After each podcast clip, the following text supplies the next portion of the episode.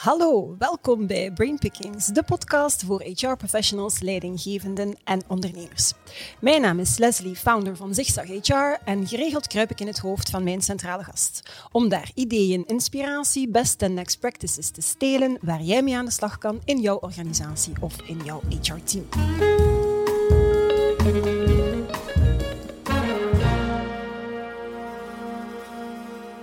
Vandaag uh, kruip ik in het hoofd van Yves van Durmen, Human Capital Partner bij Deloitte. Jullie hebben echt geen idee hoeveel podcasts van Deloitte ik bekeken heb om deze brainpickings voor te bereiden. Jullie willen echt niet weten hoeveel uur Deloitte Insights ik verteerd heb en hoeveel jaar ik teruggekeerd ben in de tijd om de Deloitte Global Human Capital Trends allemaal te herlezen. En hoe meer ik las en hoe meer ik luisterde, hoe meer ik bevestigd werd dat ik eigenlijk belachelijk weinig weet pijnlijk frustrerend. Maar naar het schijnt is dat normaal. En als je leert, doet dat pijn en zorgt dat voor spanning. We gaan het eigenlijk vandaag ook over spanning hebben. meer bepaald over het spanningsveld. Uh, dat spanningsveld liever dat de Future of Work creëert tussen man en machine.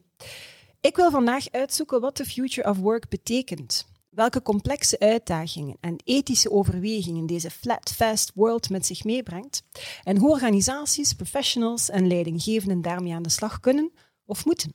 Zet je dus maar schrap voor minstens een half uur boeiende inzichten over the future of work. Redefining work, workforces en workplaces. Welkom, dag Yves. Bij hier te zijn. Alles goed met jou? Ja, ja, de verwachtingen liggen hoog. Je hebt heel veel voorbereid, dus misschien weet je meer als ik. Ik uh, betwijfel dat zeer sterk. Maar bon, daag mij uit, zou ik zeggen. uh, ik moet zeggen, de vraag stellen? Ja.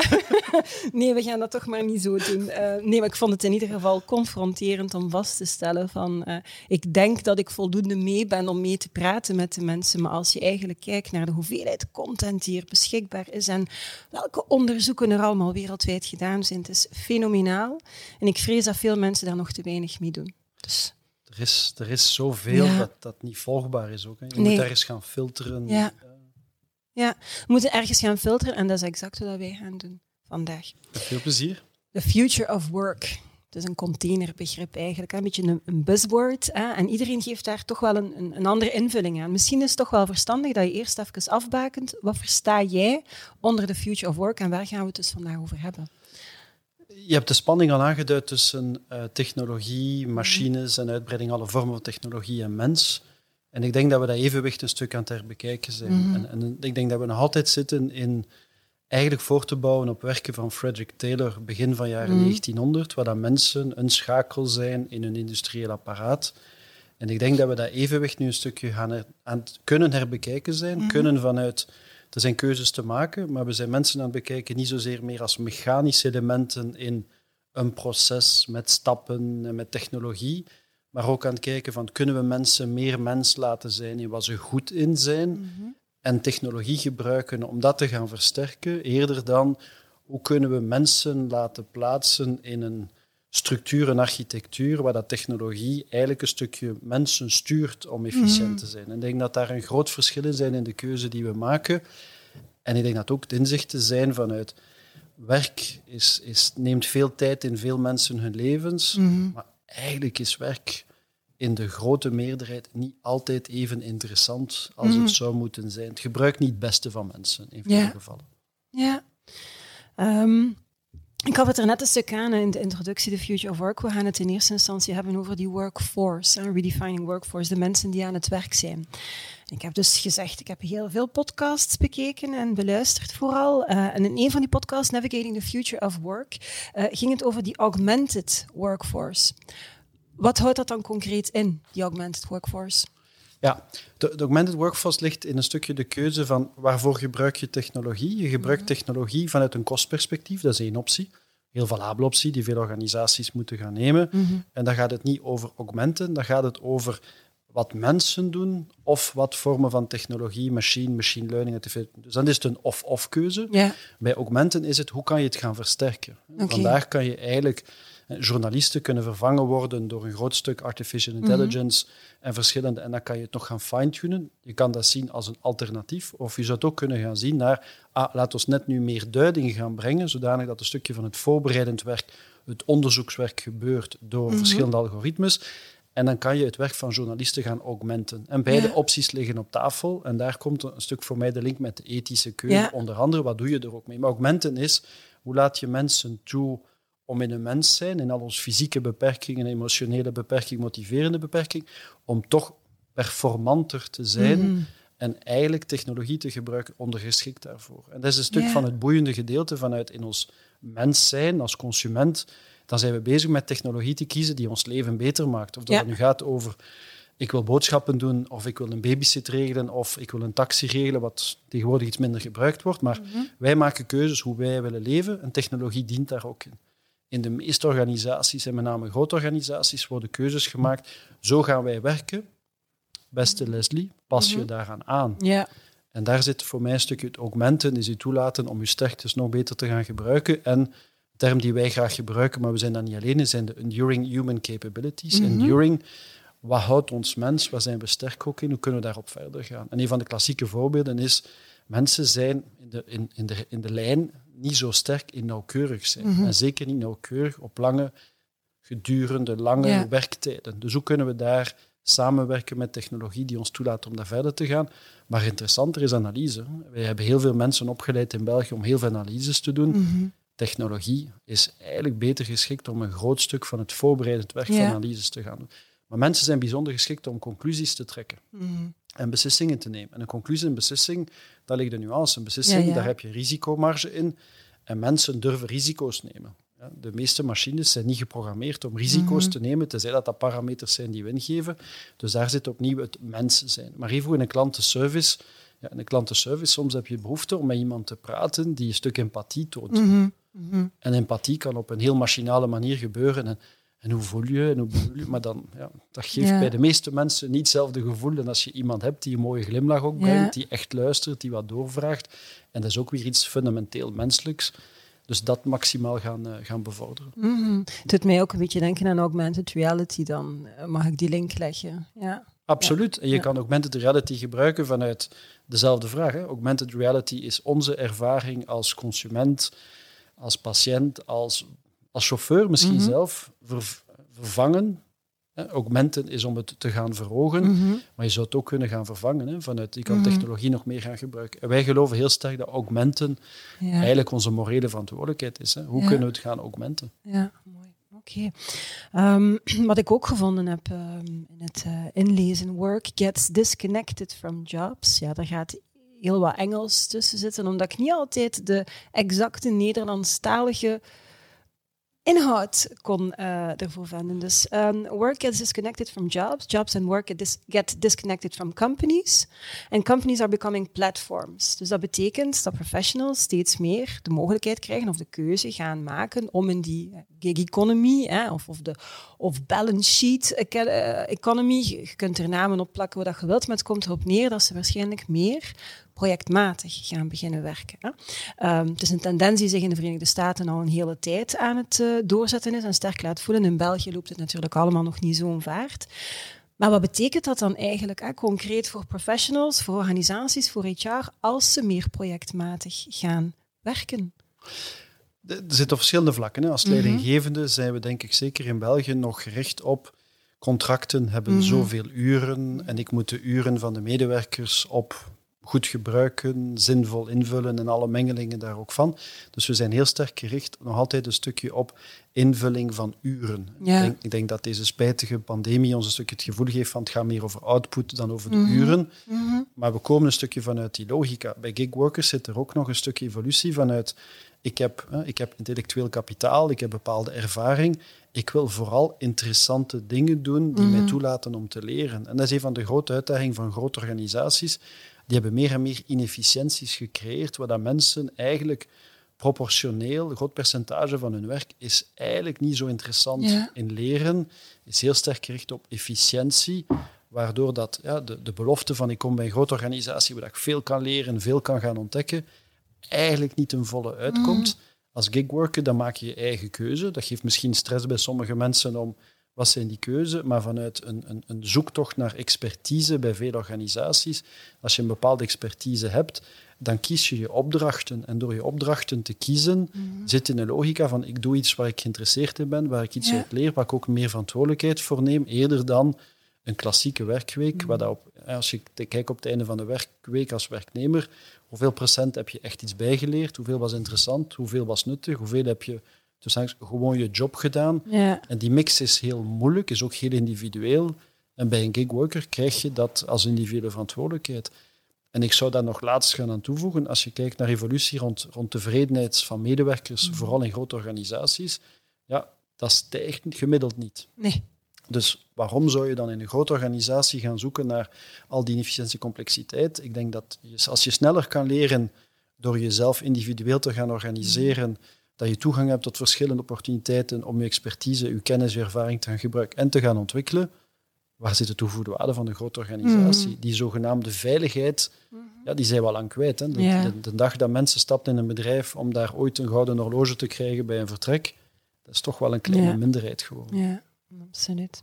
Ehm, ja, als ik dan ook kijk naar, naar, naar de rol van, van HR. ehm, ja, HR is, is verantwoordelijk voor die mensen die in dat traditionele systeem in loondienst eh, werken in organisaties.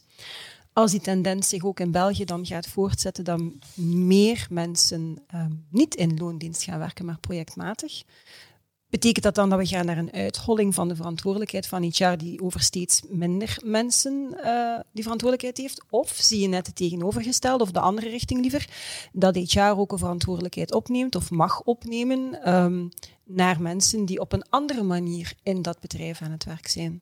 Of misschien zelfs robots. Of, ik, ja, ik weet niet of dat dan nu zo ver moet gaan, maar eh, laat ons eerst... eh, Ha, ik, denk- ik denk dat er twee, twee opties zijn. Ik denk dat een optie is, sterk vanuit juridisch kader vandaag, is de verantwoordelijkheid van personeel, Mhm. HR-diensten, is mensen die in een klassieke tewerkstellingsmodule zitten, overeenkomsten, contracten. Dus in die zin is de kans groot dat het voor een kleinere populatie gaat.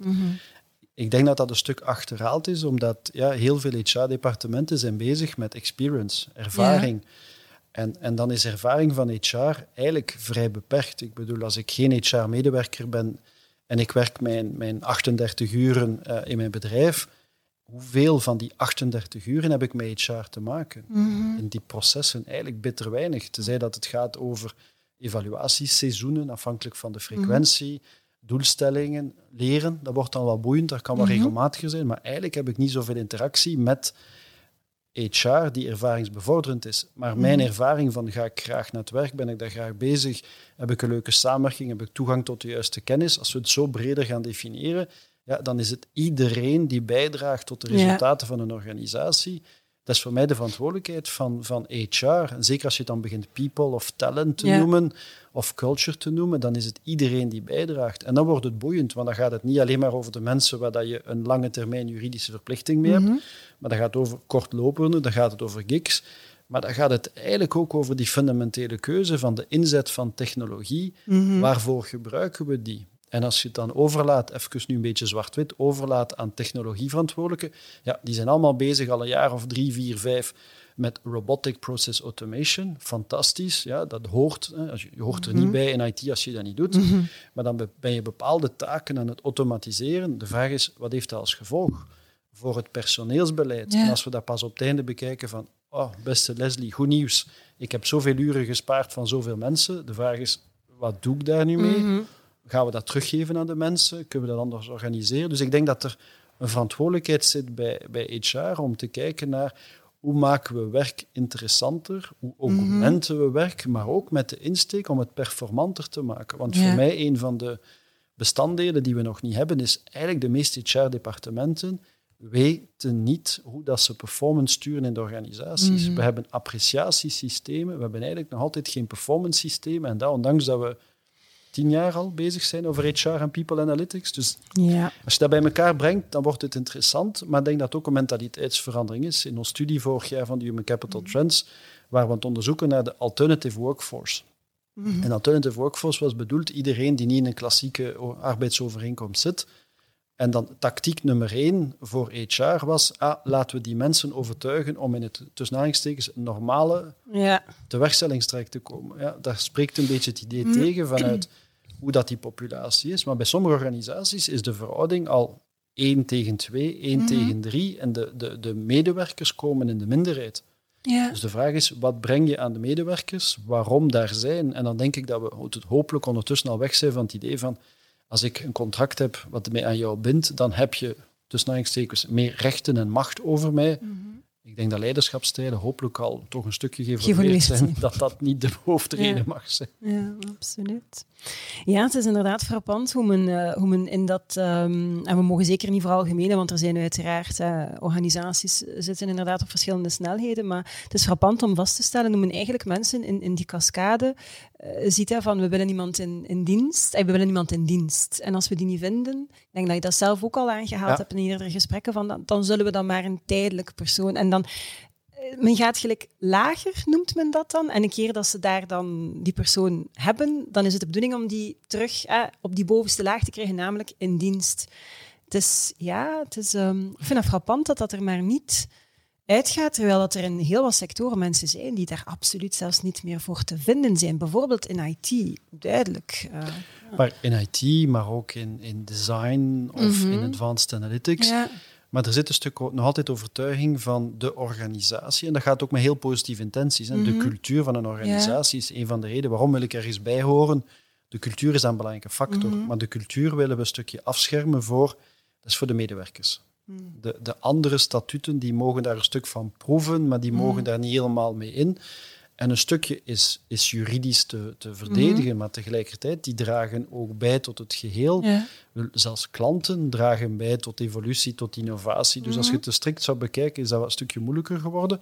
Maar ik, ik, ik denk dat daar een stukje voor mij gebrek is aan, aan innovatie vanuit, vanuit HR. Vanuit inderdaad, wij spreken nu van access to talent. Ja. Access to talent is een stuk, ja, talentacquisitie, dat blijft een ongelooflijk moeilijke stiel en een belangrijke stiel.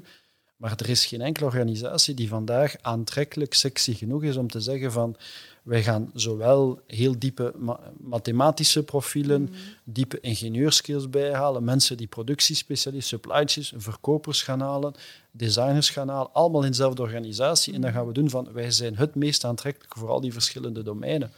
Dat is het ook Mhm. niet. En, en alles specialiseert zich meer en meer, waarbij dat het ecosysteem, platform waar je daar straks Ja. over had, dat platform wordt belangrijk en belangrijk Ja. in heel veel activiteiten, zelfs in bedrijven die niet business to consumer zitten. Ook Mhm. daar is het platform belangrijk en belangrijker Ja. om je specialisatie, je niche ten volle te kunnen gaan gebruiken, maar in een bredere waardeketen. En dan denk ik dat het verplicht HR om anders te gaan nadenken. Het gaat niet meer over de human resources die een contract hebben in de klassieke betekenis. Het gaat over iedereen die bijdraagt. Maar dan Mhm. wordt het complex vanuit als je een joint venture hebt met een ander bedrijf. Een joint venture, dat is ook toegang tot een Mhm. bepaald talent. Als je dan spreekt van samenwerking met universiteiten, ja, dat is meestal niet HR die dat afsluit. Het zijn voor employer branding doelstellingen, maar ook daar heb je een toegang tot Ja. talent. Hoe kan je heel die, dat talent-ecosysteem gaan organiseren? Mhm. En daar zien we meer en meer marketplaces. Hè. De Ja. oude klassieke werking van een markt. Ja. En een markt is Vraag de en vraag en, voilà, vraag en aanbod. Hoe kan je dat op elkaar gaan afstemmen? Maar hoe kan je dat gaan afstemmen vanuit hè, een klassiek voorbeeld? Als we alle twee 38 uur zouden werken in een klassiek statuut, laten we nu vanuit gaan dat er toch een aantal uren zijn die niet zo interessant zijn. Mhm. Maar misschien zijn die acht uren van mij, kan ik die ruilen met acht uren Mhm. van jou, die ik dan wel interessant vind, dat we elkaar kunnen leren. Als we die werking meer en meer kunnen gaan gebruiken, maar dan gaan we om de klassiek leidinggevende functie, die een takenverdeler ook is. Mhm. En daar komen we tot, je sprak van werk en jobs. Eigenlijk de manier waarop dat we werk definiëren Mhm. is, we structureren processen, Ja. de verschillende stappen in de processen, we beschrijven de technologie die nodig is om die stappen te kunnen zetten, en dan gaan we daar soms wat cirkeltjes rondtrekken. En dat pakketje, dat is nu van jou, dat is Ja. nu jouw job. Maar dat zijn activiteiten, terwijl Mhm. de evolutie meer en meer gaat naar we hebben snelheid nodig, tenzij in levensbedreigende eh, functies en jobs liefst niet snelheid, maar liefst dan veiligheid. Mhm. Maar voor veel andere activiteiten, hoe kunnen we het anders gaan structureren, Ja. waar het meer gaat over output. En eigenlijk is output zelfs niet het meest motiverende. Het gaat over outcome. Wat Ja. is de bijdrage? Waarvoor doen we het ook? En de behoefte aan zingeving die is nu iets minder geworden, omdat we in een crisissituatie Mm. zitten waar dat mensen zich zorgen maken en mijn job verandert en de regelgeving verandert bijna in alle landen toch zijn minst één keer Mm. per maand als het niet meer is. Dus dat zorgt voor een gevoel van onzekerheid. Maar als dat gevoel van onzekerheid gaat terugzakken, ja, dan gaat de vraag zijn van wat, wat brengt mijn job bij? Er is toch belangrijks in het leven dan dan werken en dan processen gaan doorlopen. Dus ik, ik, Mhm. ik denk een positieve druk te gaan voelen vanuit wat is de bijdrage die we brengen aan verschillende stakeholders, aan onze samenleving, aan de communities waar dat we mee werken. En Ja. dat gaat werk interessanter maken. En dat vond ik vorig jaar in ons Human Capital Trends. Well-being was voor mij een aha-moment. En, Ja. en waarschijnlijk bijna een ridicule aha-moment, want wij ontdekten dat well-being niet ging over alle programma's naast het werk. Mhm. Maar dat well-being overal zat. En in Amerikaans is dat fantastisch. Hè? Dat gaat dan over, je mag je hond meenemen naar het werk. Mhm. En je krijgt gratis eten. En je hebt een glijbaan om van de ene verdiep naar de andere te gaan. En een pingpongtafel. Allemaal leuke dingen. Maar eigenlijk, waar gaat het over? Dat zijn allemaal de zijactiviteiten. Mhm. Als het in uw job niet interessant is, niet leuk is, ook niet doenbaar is qua ergonomie en andere facetten. En vooral denk ik, mentale aspecten zijn nu belangrijk en belangrijker. Ja. Ja, en ik denk dat vandaag dat we daar meer en meer geconfronteerd mee worden, want door meer en meer thuis te moeten werken vanuit de situatie waar dat de job het toelaat, zijn we terug aan het gaan naar de essentie. Ja. De leuke momenten met de collega's, ja, Oh, dat is een beetje anders. Hè. Gaan klinken met een glas, eh, met een videoscherm, dat voelt Ja. toch voor mij dan net iets anders. Dus de leuke momenten zijn een stukje Mhm. weg. We zijn terug aan het gaan naar de essentie van, van de job, van Mhm. de takenpakketten. En als dat niet genoeg energie geeft, als dat niet genoeg ook mogelijk is om daar controle over te hebben, hoe organiseer ik dat en heb ik daar een voldoening aan, ja, dan krijg je wel heel veel druk op het systeem van Ja. zijn de jobs interessant genoeg? En ik denk dat veel mensen zich nu en na de crisis Ja. zich nog meer de vraag gaan stellen van hoe kan ik iets gaan doen waar ik meer voldoening heb, meer bijdrage heb. Dus ik denk dat voor alle HR-departementen het moment is om Mhm. werk te gaan herdenken, heruitvinden, met de insteek van hoe kunnen we werk eigenlijk interessanter, menselijker gaan maken Ja. en tegelijkertijd augmenten, want ik vermoed dat in de meeste bedrijven niet de luxe hebben om het alleen maar interessanter, menselijker te Mhm. maken. We gaan ook zorgen dat een output en een bepaalde productiviteit, ja. die mix gaat belangrijk zijn. Mhm. Oké.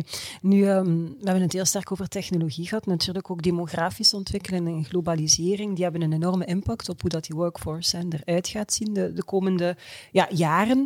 Ehm, talent is ook al lang niet meer beperkt tot, tot mensen die in ons, ons land wonen. Hè.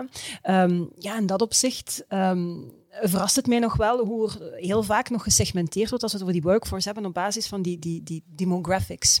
Ehm, en ik vond in de, de idee van de perennials uit een van jullie studies heel interessant. Kan je dat eh, eens, eens toelichten? Want ik had het opgezocht en het had iets met bloemen te maken. maar eh, vertel eens. Ja, het, het- Dat had iets met bloemen en planten te maken. Uiteraard weet ik waarover het gaat, maar dat was de eerste... Dat is als je het opzoekt. Ja. Ja, dat was ook een stuk initieel insteek. Mhm. Vanuit segmentering is wat, dat, wat dat HR al een tijd bezig is. Ja. We hebben dat schaamteloos gekopieerd van marketing, maar we hebben het Mhm. een beetje vereenvoudigd. Ja. Vanuit hoe segmenteer je? En dat is een stuk het spanningsveld die we vanuit HR hebben. Hè. We willen mensen als mens behandelen en dat siert ons in zo individueel mogelijk. Tegelijkertijd, ja, uw programma's, uw producten zodanig aanpassen dat die voor elk persoon Mhm. individueel uniek gaan zijn. En dan komen we tot persona's, wat die karakteristieken zijn. En eigenlijk, ja, die sociologische groeperingen van te Mhm. kijken naar generaties, als je dat bekijkt op wereldschaal, dan houdt dat geen steek. Mhm. Omdat, Mhm. ja, de, Bre- de Berlijnse muur is zo typisch in Europa, dat is een moment. In Japan betekent dat bijvoorbeeld niks, want de. Berlijnse muur, daar hebben zij veel minder affiniteit ook mee.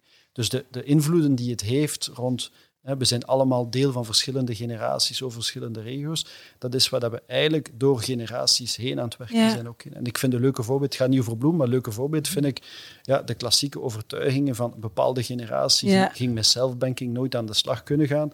Ja, als ik kijk naar mijn vader en mijn, en, en mijn, en mijn schoonmoeder, ja, die zijn daar beter mee weg dan ik. En dat heeft een totaal andere wereld Mhm. geopend in de manier om daarmee om te gaan. Dus ik denk de karakteristieken van Mhm. mensen en mensen die van bloemen houden, dat is van alle generaties. Je zou kunnen zeggen dat dat de flower power generatie is. Maar het is een breder insteek Mhm. vanuit hoe kunnen we die karakteristieken gaan gebruiken om zoveel als mogelijk te gaan segmenteren. Ja. En dat is voor HR vaak een moeilijke, omdat we als HR zijn we vaak geroepen geweest om hoe kunnen we zoveel mogelijk hetzelfde voor iedereen gaan doen. Ja. En voor mij zit daar eigenlijk een vorm van disrespect ook in. Er is zo de, de cliché vanuit behandel een ander zoals je zelf wilt behandeld worden. Dat is een vorm van respect.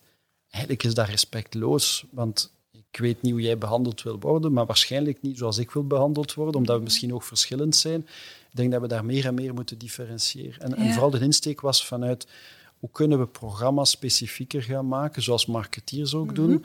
Die gaan veel meer gaan segmenteren. Alleen is de vraag van wat mag het ook kosten? Hè? Ja. Als je zegt van ik wil een luxe wagen die op maat gemaakt is voor jou, dan is budget geen issue. Bij de meeste HR-departementen zijn het toch wel budgetbeperkingen. Dus hoe kunnen we dat op een manier gaan, gaan structureren? Ook. Mm. Dat is een boeiende, vind ik. Ja, absoluut. Um, nog even binnen die workforce ook. Uh, ik ging onlangs in gesprek met Youssef Kobo van de Seat at the Table. En um, dat is een, organisatie die um, jongeren met een migratieroute, kansarmen, maar eigenlijk veel breder dan dat, jongeren met een migratieroute wil inspireren en connecteren met bedrijfsleven in, in België. En hij zei mij, 70 tot 75 procent van alle min zesjarigen in grootsteden hebben een achtergrond met niet-EU-migratieroutes. Dus dat is onwaarschijnlijk als je dat vertelt. En ook al zou je die cijfers gaan nuanceren, feit is, als je in Brussel of in Antwerpen of in andere grootsteden gaat kijken, dan zie je de basisschool, als je kijkt, dan zie je dat, dat, dat, dat, dat, dat, dat die groep jongeren er fundamenteel anders uitziet dan 20, 25 jaar geleden. Dus die talent pool, die workforce van morgen en overmorgen, en binnen x aantal jaar, ziet er dus ook anders uit. Hoe kan HR volgens jou um, haar beleid daarop aanpassen? Of, of wat is belangrijk voor leidinggevenden als zij met zo'n multigenerationele, multiculturele, hybride workforce aan de slag moeten gaan? Je brengt verschillende aspecten. Hè. Ik denk, denk, dat we daar voor mij bij een, variatie zitten van iets dat vroeger werd dat genoemd, homogene en heterogene teams. Dat was een mhm. manier om te kijken naar waar ben je performanter mee. En een van de oude studies daar rond was van, ja, als je zeker wil zijn van een bepaalde performance niveau, kies vooral voor een homogeen team. Mhm. Daar neem je het minste risico mee, want met heterogene teams heb je zowel het risico van een heel slechte performance, van er niet mhm. uit te geraken, maar heb je ook de enige kans om de hoogste performance niveaus te hebben naar creativiteit, naar prestaties, naar, zelfs naar wereldrecords. Dus daar zit een stukje verantwoordelijkheid in van willen we ons risico's gaan bewaken, dan moeten we dat proberen liefst niet te veel te gaan brengen. Hebben we mm -hmm. daarentegen de ambitie om uit iets uitzonderlijkers te doen, dan zijn die heterogene teams. Dat is tegenwoordig veel moderner geworden. Dan spreken we van diversity and inclusion of diversity, equity en inclusion, verschillende versies daar ook van.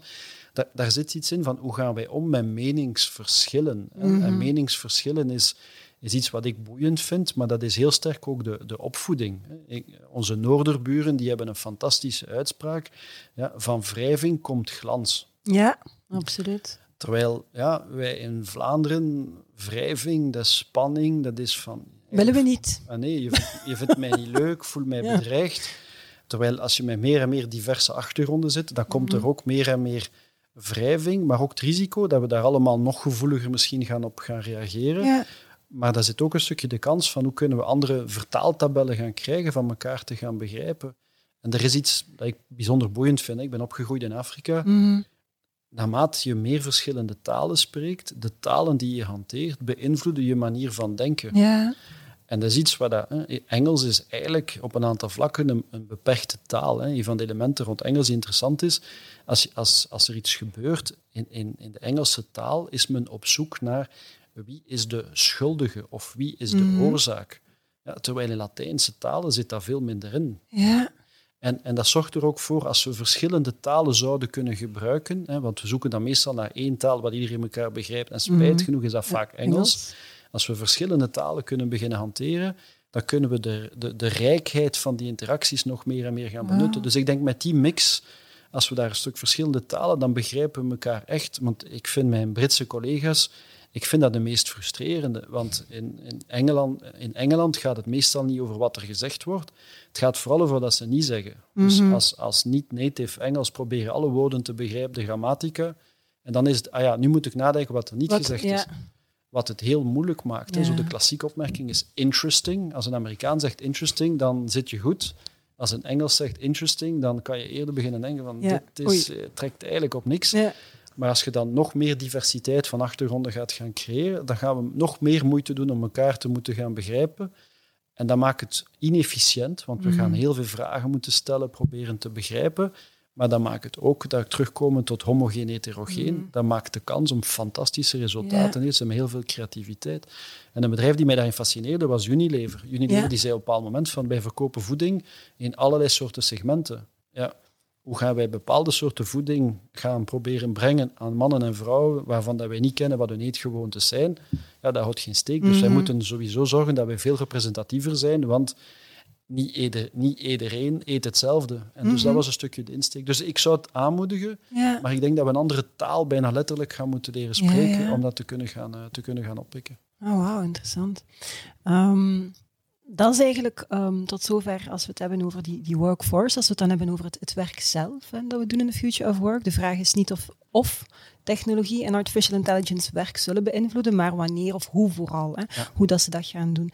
Ehm, en ja, die twee opties heb je eigenlijk al een stukje, denk ik, ook eh, al, al, al aangekondigd. En je kan daar ofwel kijken hoe dat technologie jobs kan vervangen, dan wel dat het, het augmented verhaal. Hè. En Yoko Dro had dat, is niet helemaal hetzelfde, maar je had het over het shave-off en het, eh, het cut-off model. Dus, Ja. hè.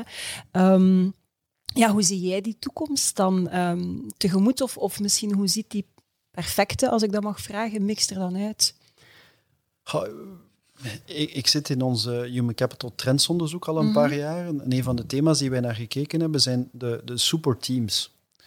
En de superteams is ook Mhm. hoe kan je technologie gebruiken om eigenlijk de output, de samenwerking van teams disproportioneel te gaan vergroten.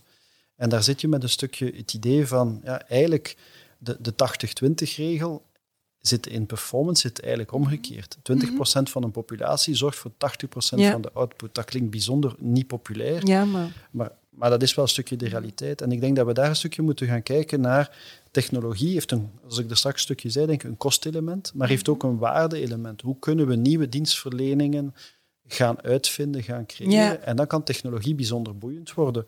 En we kijken bij die superteams, hebben we gekeken naar, gaat het over kost? hè?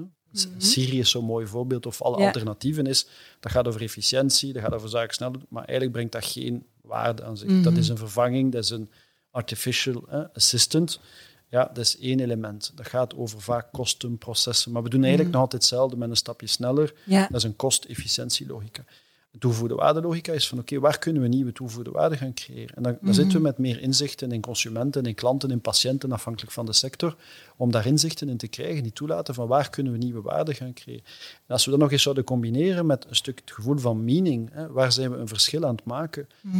dat maakt het boeiend ook. Hè. Dat is voor mij een van de meest intrigerende elementen, is de, de, de farmaceutische wereld. Ja, die hebben een fantastisch doel. Hè. De kwaliteit van leven van mensen verbeteren. Ja. Ik denk dat het moeilijk is om een beter doel in het leven Ja. te hebben. Tegelijkertijd, als je dan gaat zoeken naar onderzoek rond tevredenheid hè, van werknemers, dat valt niet anders op Mhm. dan bedrijven die bezig zijn met petroleum of die bezig zijn met energie op te wekken. Mhm. Dus ik denk dat er daar nog een grote uitdaging is van hoe kunnen we dat gaan gebruiken om dat ook aan elkaar te kunnen gaan combineren, om niet alleen efficiënter en sneller, maar om ook creatiever te gaan denken naar andere outputs. En dan komt het exponentieel denken. En ik denk dat, met alle respect voor de ingenieurs, excuses, we zitten vaak nog in een ingenieurachtige machine manier Mhm. van denken om zaken efficiënter te gaan maken. Ja. Ik denk dat we veel creatiever moeten kunnen gaan zijn naar nieuwe outputs. En daar komen we met een stukje samenwerkingsmodellen vanuit samenwerking met, met toekomstige klanten, met de patiënten. Mhm. Die co-creatie gaat het voor mij veel boeiender maken. En co-creatie, het is ongelooflijk hoe dat je op wereldschaal kan gaan co-creëren door inputs te gaan structureren, verzamelen, door Ja. die te gaan filteren, daar machine learning op toe te passen. Dat maakt het bijzonder boeiend om dan ook nieuwe outputs te gaan creëren. En dat vind ik ook nog eens een mooi voorbeeld, omdat tegelijkertijd vrijwilligers dragen daar ook graag toe bij. Als jouw probleem maar uitdagend genoeg is, Ja. dan ga ik vrijwillig bijdragen. Dus dan krijg je een combinatie aan Mhm. elementen. En ik denk dat dat fascinerend is, hoe dat bedrijven daar kunnen gaan denken. Maar dan ben je verplicht om afstand te nemen vanuit wat doen we vandaag en Mhm. hoe doen we het en hoe doen we het altijd gedaan hebben en hoe kunnen we met x procent sneller, minder kosten gaan Mhm. werken en wat is de business case voor technologie. Mhm. Wij hebben nadeel in België dat de gemiddelde kost van arbeid vrij hoog is. Ja, dus een business case gaan maken waar dat kost een factor is, Ja. dat is al niet zo moeilijk. Mhm. Maar hoe kunnen we daar creatiever gaan in zijn? En het goede nieuws in ons, in ons trendsonderzoek is dat de overgrote meerderheid van de respondenten, bijna 10.000, gaf aan van eh, we zien de toepassing vandaag vooral in kosten.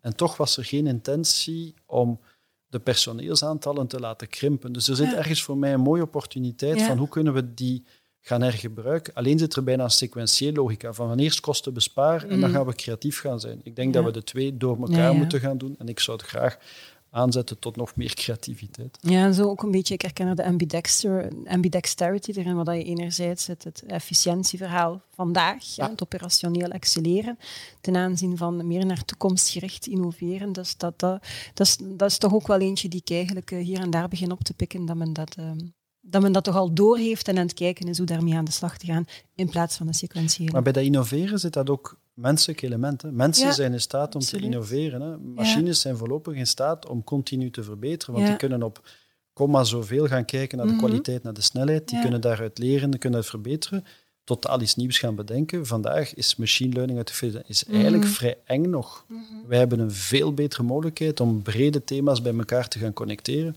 Ik denk dat we dat nog meer moeten durven benutten. Ja, absoluut. Nu, um, ik wil het ook nog even over, uh, over leren hebben. Het meeste leren we ook uh, ja, on the job eigenlijk, hè, van, van collega's, learning in the flow of work ook. Hè. Uh, maar ondertussen zijn heel wat professionals al tien maanden thuis aan het werk. En dat levert dan misschien wel een aantal efficiëntiewinsten op in de zin dat ze zich niet moeten verplaatsen en geen tijd verliezen of in de file, wat dan ook. Maar wat zijn de gevolgen, vraag ik me dan af, op learning in the flow of work? Dat zijn zaken die we nu misschien niet direct concreet kunnen meten, maar ik vraag me dan af als we binnen een paar jaar verder zijn. Wat gaan de gevolgen daarvan zijn? Dat we nu niet van elkaar leren, niet uitwisselen. Hoe kijk jij, ehm, hoe kijk jij daarnaar? Hoi, ik heb daar een, eigenlijk een positieve mhm. kijk naar vanuit.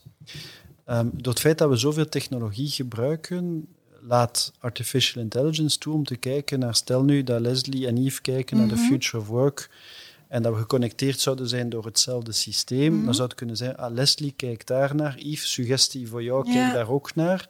Of wij werken een document uit en dan kan nog iemand anders daarop verder bouwen. Dus er zijn vandaag al toepassingen die bestaan en die een aantal bedrijven beginnen te gebruiken, die toelaten om kennissen en kennissenstromen mm via technologie meer te gaan structureren. Wat, wat een grote stap vooruit is versus ik ga mijn informatie in mijn boek of op mijn harddrive gaan verzamelen. Dus kennisuitwisseling, kennisopbouw zit daar wel een mhm. groot stuk in.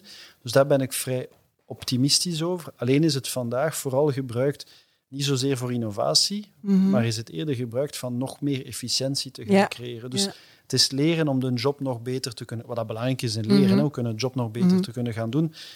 Maar wat ik een stukje mis bij die tien maanden nu en in verschillende werelddelen al een stukje langer ook, mhm. gaat het eigenlijk over van hoe kunnen we nog innovatief gaan zijn om iets nieuws te gaan bedenken. En daar zitten we met een klimaat van onzekerheid, waar dat in, onzekerheid dan zijn mensen niet op hun best om te innoveren. Mm Dan zijn ze creatief om problemen op te lossen. Maar innoveren. En ik denk dat dat belangrijk is, dat we een stukje leiderschap zien die, die de momentum creëert vanuit hoe gaan we ons fundamenteel gaan eruit vinden? Hoe creëren we een mhm. klimaat wat eruit vindt, iets positiefs is, samen met gebruik van technologie. Dus ik vind een fantastische opportuniteit die we hebben. Alleen wat we hebben gemerkt is dat de meeste HR-mensen zijn bezig geweest vanuit, ja, het, het, het gaat over het beschermen van mensen. Hè. Dus dit, die, die crisis is spijtig genoeg een crisis, maar eigenlijk is het de crisis van HR. HR kan mhm. oppikken vanuit bescherming van mensen, kwaliteit van werken, kwaliteit van leven.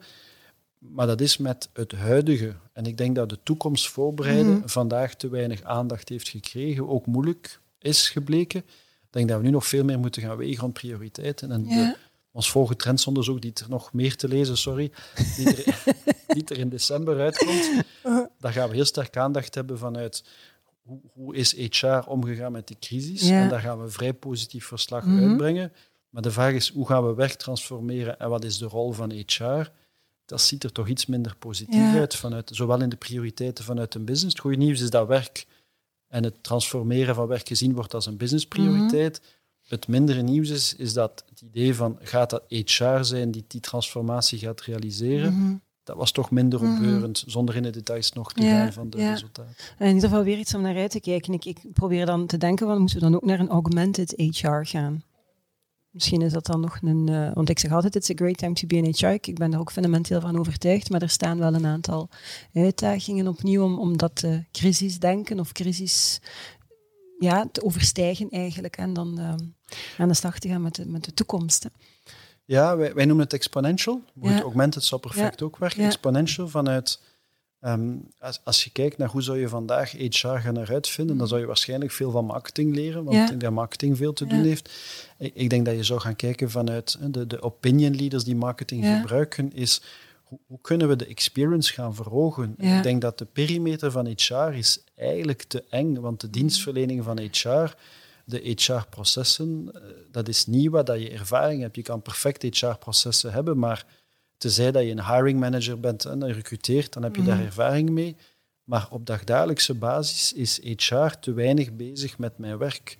De manier waarop dat ik van, van het moment dat ik begin te werken tot het moment dat ik stop, elke dag of elke week of wat dan ook, hoeveel draagt HR bij tot vlotter, aangenamer, Ja. beter, zinvoller werk? Ja, dat, dat mag niet alleen zijn van wij maken job descriptions die we Mhm. valideren en die we wegen. Nee, er moet een hele flow zijn die toelaat van, zoals je daar straks vroeg naar kennis, kennisuitwisseling. Alleen maar het idee van je zit thuis te werken in de meeste gevallen, maar er komt een suggestie van Leslie, connecteer met Mhm. Piet, want Piet is bezig met eenzelfde thema. Die connectie maken, wauw, dat is leuk. Dat is een menselijke connectie. Dat is een manier om je werk te gaan verrijken. Mhm. Maar dat zit ook in de alignering van de systemen. En ik denk dat daar, een van de zaken die ik vaak hoor, zijn heel veel bedrijven die ongelooflijk trots zijn. Wij zijn op een week of zelfs op een weekend zijn we overgeschakeld naar Zoom of naar Teams of Ja. wat dan ook. Maar eigenlijk het enige dat veranderd is, is het interactiekanaal is Ja. veranderd. Maar de manier dat we werken is niet veranderd. Integendeel, ik heb nu soms het gevoel dat ik nu nog meer technologieën heb en dat ik van de ene technologie iets in een ander moet gaan steken, nog eens een ander, daar nog een derde gaan halen. Ik ben minder efficiënt dan Mhm, ooit, ondanks mhm. dat ik meer technologieën heb. En ik denk dat Ja. HR een soort, een soort curatorrol zou moeten Mhm. krijgen van hoe maken we werk efficiënter, nuttiger, meer tot zijn essentie brengen. En vandaar een curator is, die- is Ja. iemand die een, een heel mooie ervaring kan gaan brengen. Ik denk dat HR die rol perfect zou nu moeten Ja. kunnen, gaan, eh, kunnen gaan grijpen. Maar HR blijft denk ik vandaag vooral ook terecht gericht op wij zijn dienstverlening, Mhm. de tevredenheid van onze diensten, maar de link tussen tevredenheid van de diensten en de totale tevredenheid van medewerkers. Ja, als ik mijn technologie niet leuk vind, Ja. dat speelt zeker vandaag elke minuut van mijn werk impact, mee. zijn. En dan Ja. kan HR zeggen, dat is niet onze verantwoordelijkheid, maar dat neemt niet weg. Op het einde van een dag ja. heb ik niet van mijn technologie genoten, dus mijn ervaring is daar ook eh, negatief weg. Absoluut. Oké, ik heb het gevoel dat we al ehm, way beyond het half uur zijn dan ehm, dat we eigenlijk gebruikelijk hebben. Maar ik, oh, ik zou er nog een Hansen tijd in je hoofd kunnen blijven zitten. Maar we gaan, we gaan ehm, afronden. We hebben het gehad over, over work. We hebben het gehad over workforce. En nu, ja, we moeten het sowieso over de workplace nog hebben. Redefining the workplace. Ja, hoe evolueren we nu? De mensen zijn voor een groot deel, uiteraard niet in alle bedrijven, maar voor een groot deel van thuis uit aan het werken. Eh, evolueren we dan naar een model van, van de drie H's, zoals ik al gehoord heb? Headquarters, home office en dan de hubs? Of welke evolutie zie jij daar eh, gebeuren? Ik hoop dat een van die H's voor human mag staan. om- Dan zijn er vier. Om- omdat ik, ik, ik denk dat als we het willen eh, linken aan performance management, ik, ik droom eigenlijk van een systeem die ik nu nog maar een paar stukken heb van gezien, is waar dat je als, als HR-verantwoordelijke of als verantwoordelijke voor de performance van een organisatie ten alle tijde zou kunnen weten van hoe zit het met de gezondheid van elk team. En dat is, dat is, in vele bedrijven zijn dat heel veel teams. De gezondheid van het team naar hebben die de juiste middelen om hun doelstellingen te bereiken? Zitten die goed in hun vel? En dan pas komen er volgende vragen naar interageren die regelmatig genoeg? Zijn die Mhm. genoeg innoverend? Hebben die genoeg contact? Hebben die genoeg funmomenten? Voor mij zijn dat bijna tweede orde vragen die kritisch zijn om dat succes te hebben. Maar dat betekent dat je in een totaal andere realiteit komt vanuit als je die teams kunt beginnen monitoren van hoe zit het met het team. Het zou perfect kunnen zijn, Leslie, dat jij en ik vanuit wie wij zijn als persoon misschien maar de behoefte hebben om elkaar één keer per maand fysiek Mhm. te zien. En voor de rest zijn wij innoverend, hebben hoge klantentevredenheid, zijn onze projecten op tijd. Waarom zouden wij dan verplicht moeten worden om ergens in een van die drie andere haas dan thuis iets te gaan doen? Dus ik denk dat, dat HR daar een, mo- een momentum heeft om meer en Mhm. meer te gaan differentiëren. Ik word bijna ziek van die discussies. Ja, is het nu twee of drie dagen van thuiswerken? En als ik dan de vraag stel van, ja, voor welke doelstelling? Ah ja, maar dat is omdat we met de vakbonden moeten onderhandelen. Ja. Uiteraard is dat belangrijk. En dan hoor ik het andere extreem. Ja, mensen mogen doen wat ze willen, maar ze mogen niet deconnecteren van het werk. En opnieuw Ja. daar is van, hoe ga je dat tastbaar maken? Dus ik denk dat de hele denken rond impact de organisatie gaat gaan, gaan veranderen. En ik denk dat wat dat voor mij tot uiting komt, zijn die meer organische vormen Mhm. van werk. Ja, ik vind een van de meest krachtige, dat is zo een, een, een bijenzwerm Dat is pijnlijk, je maakt dat liefst niet mee, maar Mhm. het is ongelooflijk hoe dat relatief kleine diertjes op een gestructureerde, georganiseerde manier bijzonder pijnlijk kunnen Ja. zijn. Ik denk dat we die zwermen, of het Ja. equivalent voor ons in, in, in, in de wereld van mensen en van werk, moeten kunnen gaan organiseren. En die afstanden met de technologie die we hebben, is daarin belangrijk. Mhm. En dat komt tot, tot ja, discussies die gaan over de mens zelf. Bij ons eh, hebben wij discussie over ja, onze jongeren, de eerste twee jaar, die moeten veel meer leren dan anderen. Dus die moeten veel op kantoor zijn. Oké, maar dat betekent nu dat we al die jongeren op één en hoop hebben gegooid vanuit hoe gaan ze leren. Ja, En dan kom je tot een leermodel die eigenlijk het meest traditionele hè, ja. leren jongen, leermeisje, leermeestermodel ook is en ik volg. Ik denk dat we leren veel interessanter moeten Mhm. maken. Hè. En dat is interessanter vanuit volwassen leren, vanuit ik zit nu met een uitdaging. Geef mij nu geen volledige handleiding, want de meeste mensen lezen Nee. toch niet meer. Maar geef mij nu, hè, wat zijn de hulpmiddelen die ik kan hebben? Ja. Of nog beter, laat mij spel spelen die mij toelaat om te oefenen, om daarmee om Mhm. te gaan. Dus ik denk dat we nog veel meer mogelijkheden hebben, waarbij dat de organisatievormen veel flexibeler ook zijn. Want vandaag zitten we denk ik nog altijd met een ja, historiek vanuit... Ja, geef elke manager, en mannen en vrouwen zijn daar niet zo verschillend in, geeft elke manager middelen, budgetten en mensen. Mhm. We slagen er allemaal in om die optimaal te gaan benutten. Binnen die suboptimale structuur die we hebben. Dus ik denk die, die flexibiliteit van organisaties, prioriteiten stellen, kunnen gaan bijschakelen, moet er ook voor zorgen dat eigenlijk het voor mij niet uitmaakt waar je werkt. Mhm. Alleen de uitdaging die ik hoor is cultuur. Ja. En, en cultuur vind ik een boeiende, omdat ik vind dat heel belangrijk. Maar cultuur is een stukje ontastbaar. Dus mensen argumenteren, je moet op kantoor komen. We moeten samen kunnen lunchen. We moeten samen Ja. koffie kunnen nemen. En uiteraard zorgt dat voor contacten. Ja, maar we kunnen dat misschien iets meer gaan organiseren op een manier waar dat we mensen leren kennen. Ik vind het ongelooflijk dat ik via al die technologie van video, ik heb nog nooit zoveel in de huiskamers van mijn collega's gekeken. Ik weet nu veel meer over veel mijn collega's Ja, ja, dan samen een koffie te gaan pakken. Dus ik denk dat er een mix moet bestaan, maar die vooral ook rekening houdt van hoe kunnen we mensen daarbij helpen. We weten dat niet iedereen even gedisciplineerd is of zelf gedisciplineerd is. Dus ik denk dat we daar zaken zoals netwerkanalyse moeten gaan Mhm, gebruiken, mhm. de performance van teams kunnen gaan gebruiken en uiteindelijk veel wetenschappelijker gaan doen. Hè. Het Archimedes-project dat Google al lang mee Ja. bezig is. Ja. Ik snap niet dat we dat niet, niet van Dat leren. Hè. Dat is boeiend om te lezen en dan gaan we iets anders doen. Ja, ja. jammer, inderdaad.